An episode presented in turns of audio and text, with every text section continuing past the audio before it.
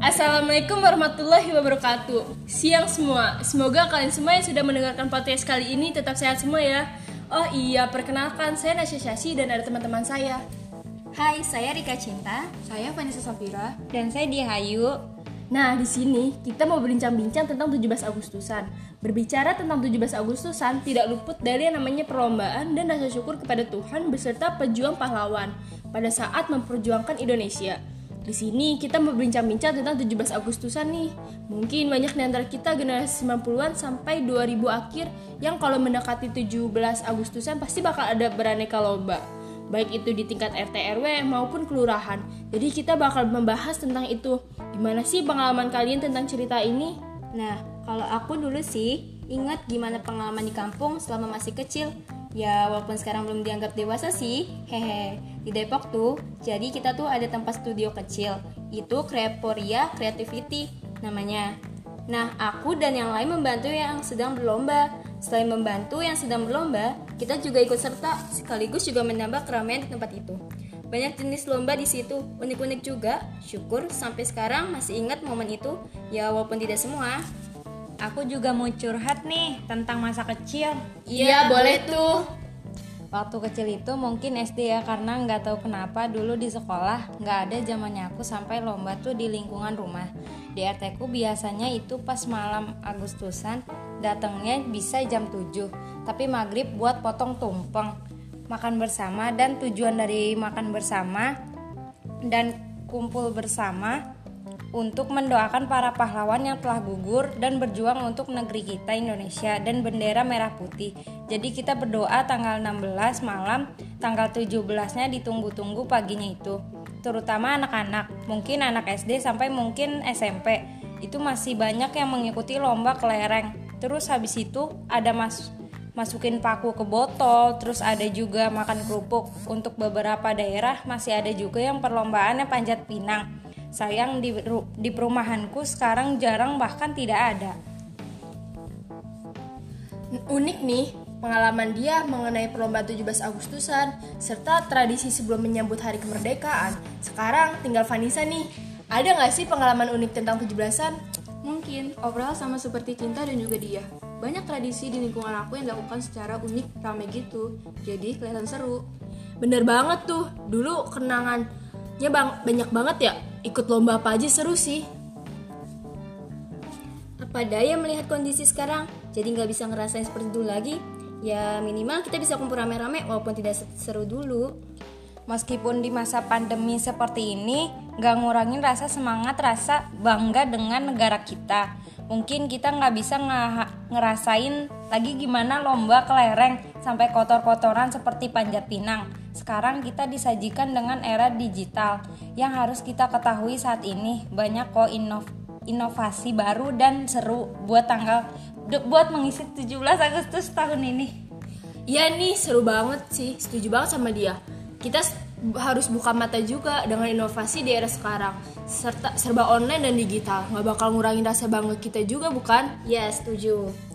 Indonesia dengan ini menyatakan kemerdekaan. Indonesia hal-hal yang mengenai pemindahan kekuasaan dan lain-lain diselenggarakan dengan cara sesakma dan dalam tempo yang sesingkat-singkatnya. Indonesia merdeka pada 17 Agustus 1945.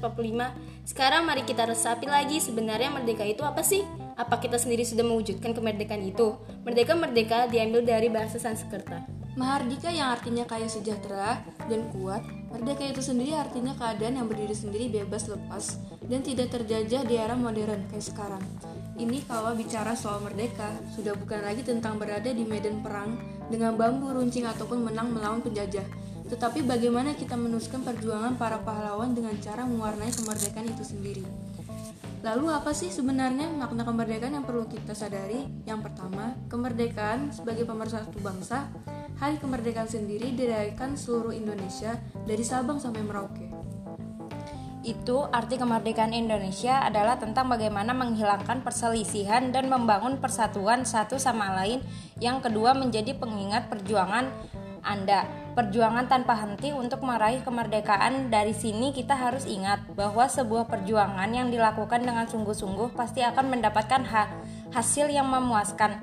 Dalam hal apa pun yang ketiga yang ketiga, merdeka bukan berarti bebas tanpa aturan. Walaupun merdeka adalah kebebasan, tapi bukan berarti seenaknya keluar dari batasan dan aturan.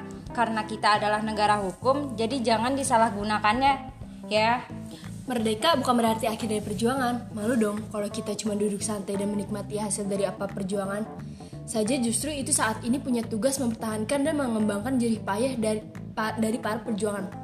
Yuk renungi lagi hal apa aja sih yang telah kita bagi dengan negara Indonesia tercinta ini yang terakhir kemerdekaan kita justru akan jadi perjuangan yang lebih berat kenyataannya ini pernah kita resapi walaupun kemerdekaan ini penjajah sudah kita raih Kemerdekaan untuk mewujudkan cita-cita bukanlah tugas yang mudah di era globalisasi karena masa depan bangsa banyak berada di tangan generasi muda loh. Lalu gimana sih caranya para generasi muda mewujudkan bentuk kemerdekaan di era sekarang? Ini kamu bisa lakukan hal sederhana, tapi besar maknanya, seperti hal-hal berikut ini. Yang pertama, proaktif sebagai pejuang pendidikan. Pendidikan adalah hal yang sangat penting demi kelangsungan generasi yang lebih maju. Belajar di sini hingga hanya pendidikan formal aja, tapi kamu bisa belajar sesuatu dari sumber mana pun yang bermanfaat bagi diri kita dan orang lain. Yang kedua, mencintai dan mengembangkan produk lokal masih banyak generasi yang lebih bangga menggunakan produk dari brand-brand ternama di dunia. Padahal kalau kita menggunakan brand lokal itu berarti kita menghargai potensi generasi muda apalagi saat ini banyak brand Indonesia yang bagus-bagus. Tanpa kita sadari kita terlibat memajukan pertumbuhan ekonomi loh. Yang ketiga menjadi generasi yang produktif dan inspiratif. Generasi muda wajib peka produktif, adapt adaptif, dan inspiratif. Contohnya dengan terus berkarya yang positif, mengikuti perkembangan teknologi, berop beropini dengan bijak, dan bisa mengenalkan budaya kita kepada dunia. Hal itu bisa membuktikan bahwa kita memang generasi yang muda yang merdeka. Yang keempat, saling menghargai. Gak sih, kita banyak bersuara buat menghargai cuitan negara lain. Di luar sana, gak ada yang salah kok, tapi kita harus sadar juga kalau negara kita terdiri dari berbagai suku, ras, dan agama pasti kita juga punya opini dan kultur yang berbeda tentunya harus bisa lebih menghargai dong tanpa sikap tersebut maka nggak akan terjadi Kemerdekaan yang sepenuhnya yang terakhir dan yang penting banget jangan pernah melupakan sejarah sebagai generasi muda. Justru wajib banget tahu bagaimana sejarah bangsa karena melalui sejarah kita tahu bagaimana perjuangan dan arah cerminan kemajuan bangsa dengan melanjutkan perjuangan di era masa kini. Dah, kalau kamu sendiri gimana?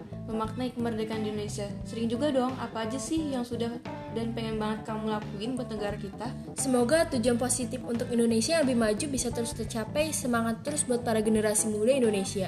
Selamat memperingati Hari Merdeka dan Indonesia merdeka atas nama Pantai Indonesia de Soekarno-Hatta. Seru juga ya obrolan kita. Sudah membahas tentang lomba 17 Agustusan serta membahas arti kemerdekaan. Mungkin kita akhiri untuk obrolan kali ini. Sekian dari kami. Wassalamualaikum warahmatullahi wabarakatuh.